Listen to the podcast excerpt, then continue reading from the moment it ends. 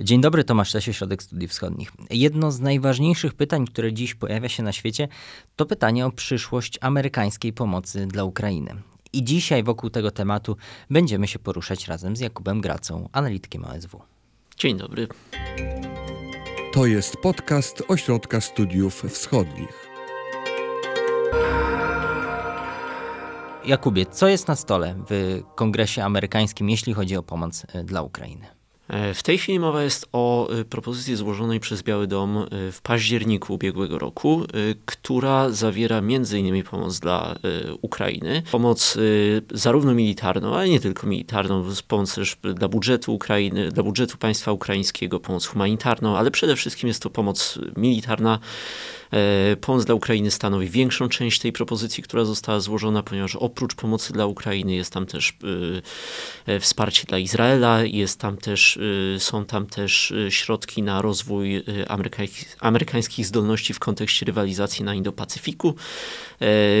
Są tam też środki na ochronę, na wzmocnienie bezpieczeństwa południowej granicy, granicy z Meksykiem. To zaraz będziemy sobie rozwijać. O jakich kwotach w ogóle mówimy, jeśli chodzi o Ukrainę i o cały ten pakiet? Jeżeli chodzi o cały pakiet, to jest ponad 100 miliardów, 100 kilka miliardów dolarów, natomiast y, pomoc dla Ukrainy stanowi 61, e, około 61 miliarda dolarów w tym pakiecie. Także to jest propozycja, która od października jest cały czas na stole w kongresie e, e, debatowana. Jaki jest w tym momencie stan gry? To znaczy, w którym momencie procesu legislacyjnego się znajdujemy obecnie z tym, z tym projektem?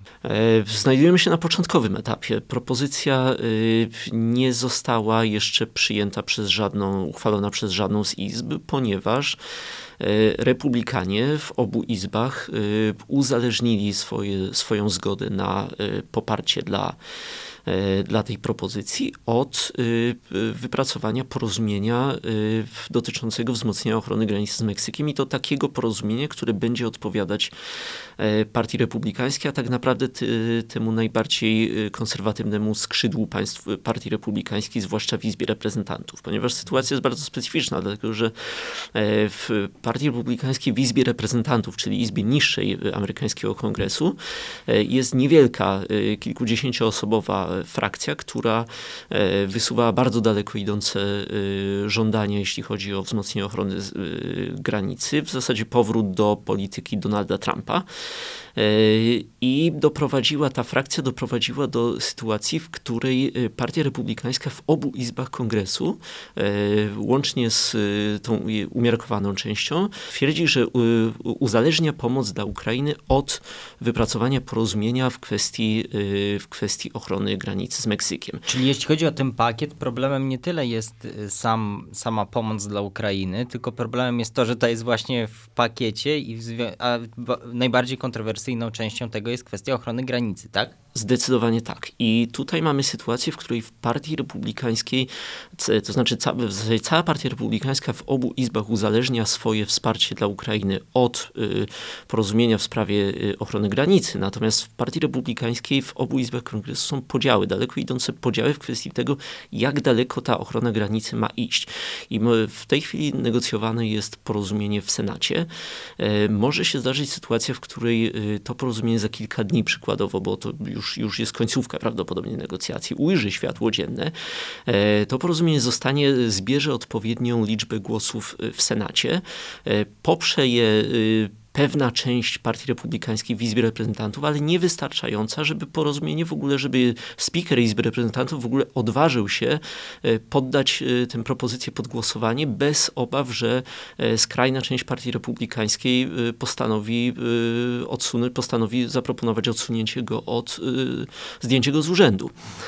Dlatego w samej Partii Republikańskiej są podziały w kwestii tego, jak daleko należy iść w kwestii, tej, w kwestii ochrony granicy.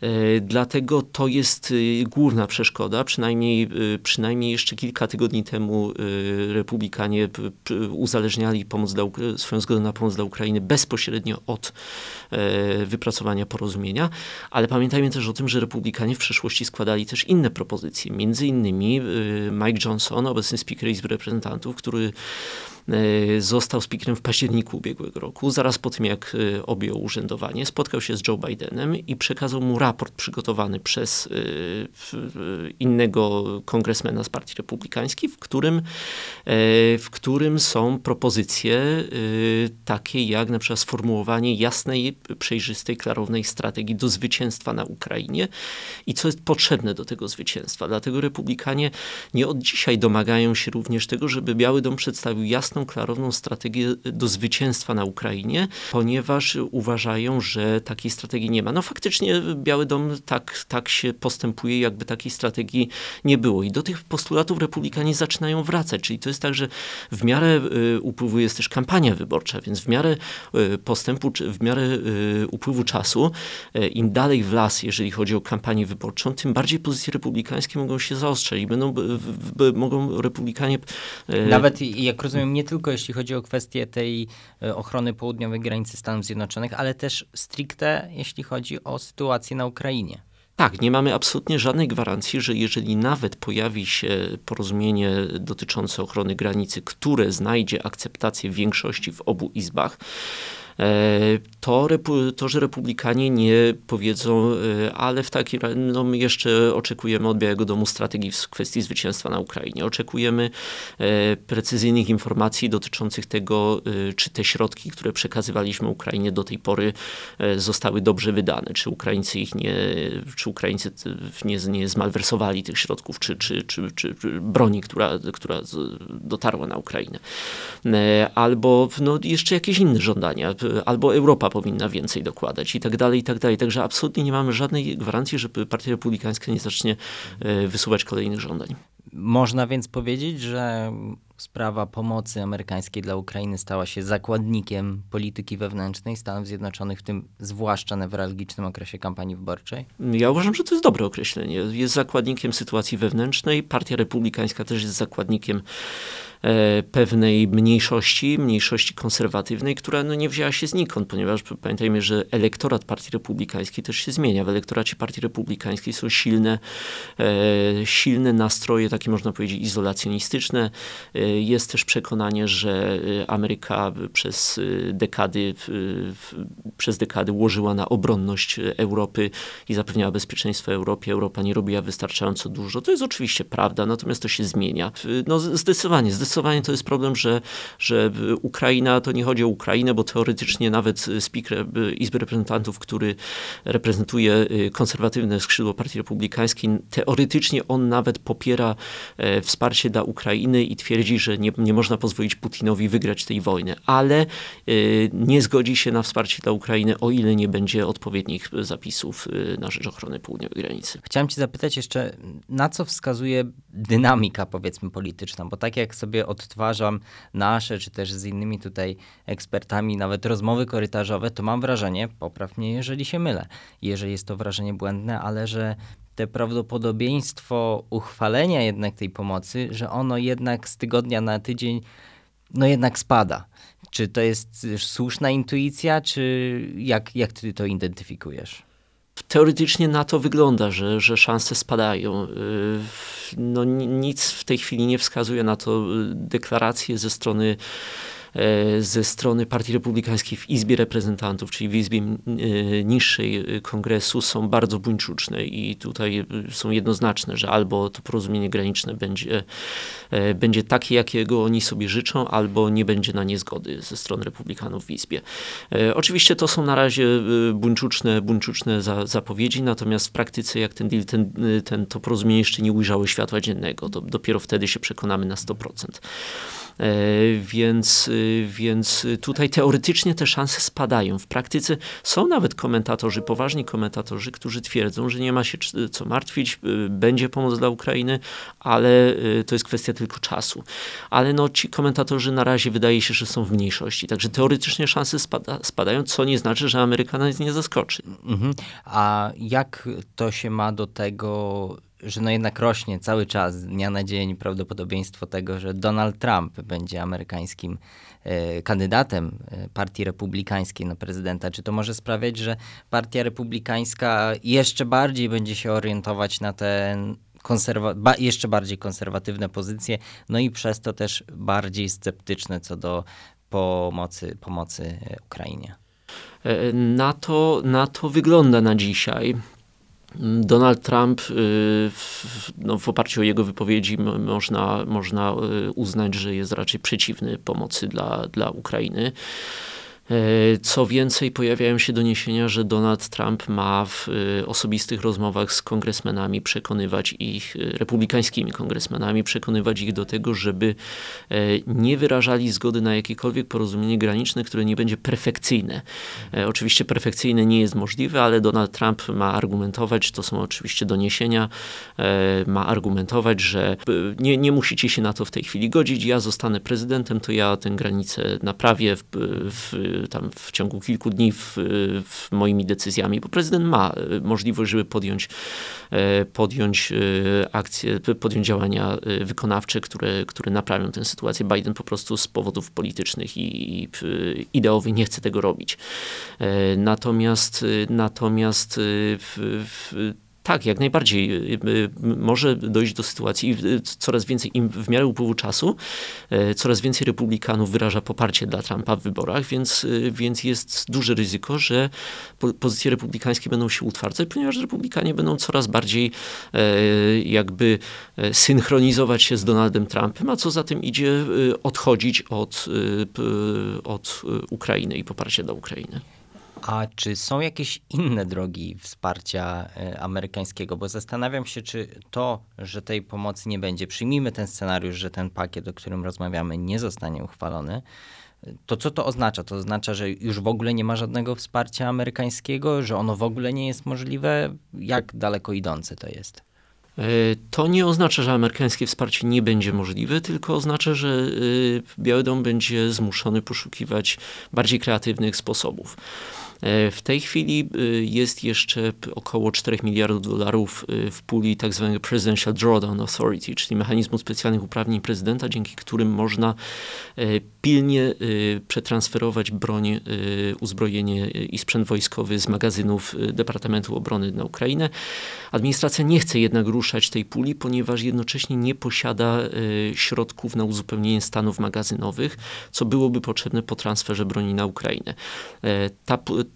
ta pula na uzupełnienie stanów magazynowych już się wyczerpała, dlatego Biały Dom y, ruszy, ruszy te 4 miliardy dolarów jedynie w ostateczności, ponieważ, e, ponieważ nie czuje się komfortowo robiąc to, jeżeli nie ma jednocześnie oparcia w y, środkach na uzupełnienie stanów Zwłaszcza, magazynowych. że mówimy tu jeszcze raz, przypomnij o jakiej liczbie? 4 miliardów dolarów no około. Jest to niewątpliwie mniej niż ten pakiet, o którym mówimy. To jest, to jest bardzo niewiele, ale to nie jest też, to nie jest też nic, także to też dla Ukraińców miałoby oczywiście duże znaczenie. Jest kilka innych mechanizmów, które, y, które umożliwiają wsparcie Ukrainy, ale no w dużym mniejszym znaczeniu, y, w dużym mniejszym rozmiarze. Przykładowo jest mechanizm tak zwanego Access Defense Articles, y, czyli Departament Obrony może zidentyfikować uzbrojenie, które teoretycznie Stany Zjednoczone mają w nadmiarze na magazynach, e, następnie oszacować jego wartość i, i oddać bądź sprzedać, bądź oddać y, sojusznikom bądź partnerom. E, tutaj limit y, roczny to jest 500 milionów dolarów, natomiast jest margines swobody, jeśli chodzi o ustalanie wartości tego uzbrojenia. Dlatego teoretycznie, y, teoretycznie to jest pewien jakiś tam sposób na, na pomoc Ukrainie, ale na utrzymanie wsparcia dla Ukrainy, ale ograniczony i też kongres musi zostać poinformowany zawczasu, dlatego to wymaga planowania z wyprzedzeniem. Nie wiemy, czy administracja Bidena podjęła takie planowanie. E, są też inne mechanizmy przesunięcia w budżecie, ale tu też są istotne ograniczenia. Też kongres musi wyrazić zgodę.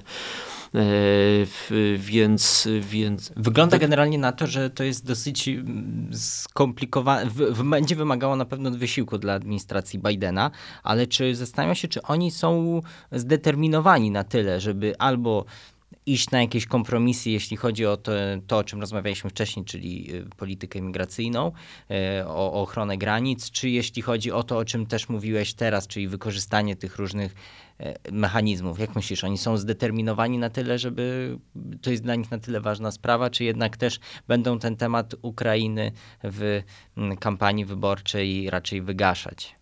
Administracja Bidena niewątpliwie jest, jest maksymalnie zdeterminowana. Joe Biden uczynił pomoc Ukrainie jednym z centralnych punktów swojej prezydentury. I republikanie są tego świadomi. Republikanie są świadomi tego, że jeżeli zgodzą się na, na tę pomoc, o którą wnioskuje Joe Biden, no to również mu pomogą w kampanii. Natomiast jeżeli Ukraina przegra, no to, to jest szansa, że go utopią na Ukrainie. E, dlatego, dlatego to jest, Biedom jest niezmiernie z, z, zmotywowany, tylko ma ograniczone możliwości, ponieważ, e, ponieważ o finansach w Stanach Zjednoczonych decyduje kongres. To kon, kongres decyduje o tym, ile środków na jaki cel przeznaczyć. Prezydent ma pewne uprawnienia e, i administracja ma pewne uprawnienia w zakresie, w zakresie żonglowania tymi środkami, ale no one są ograniczone.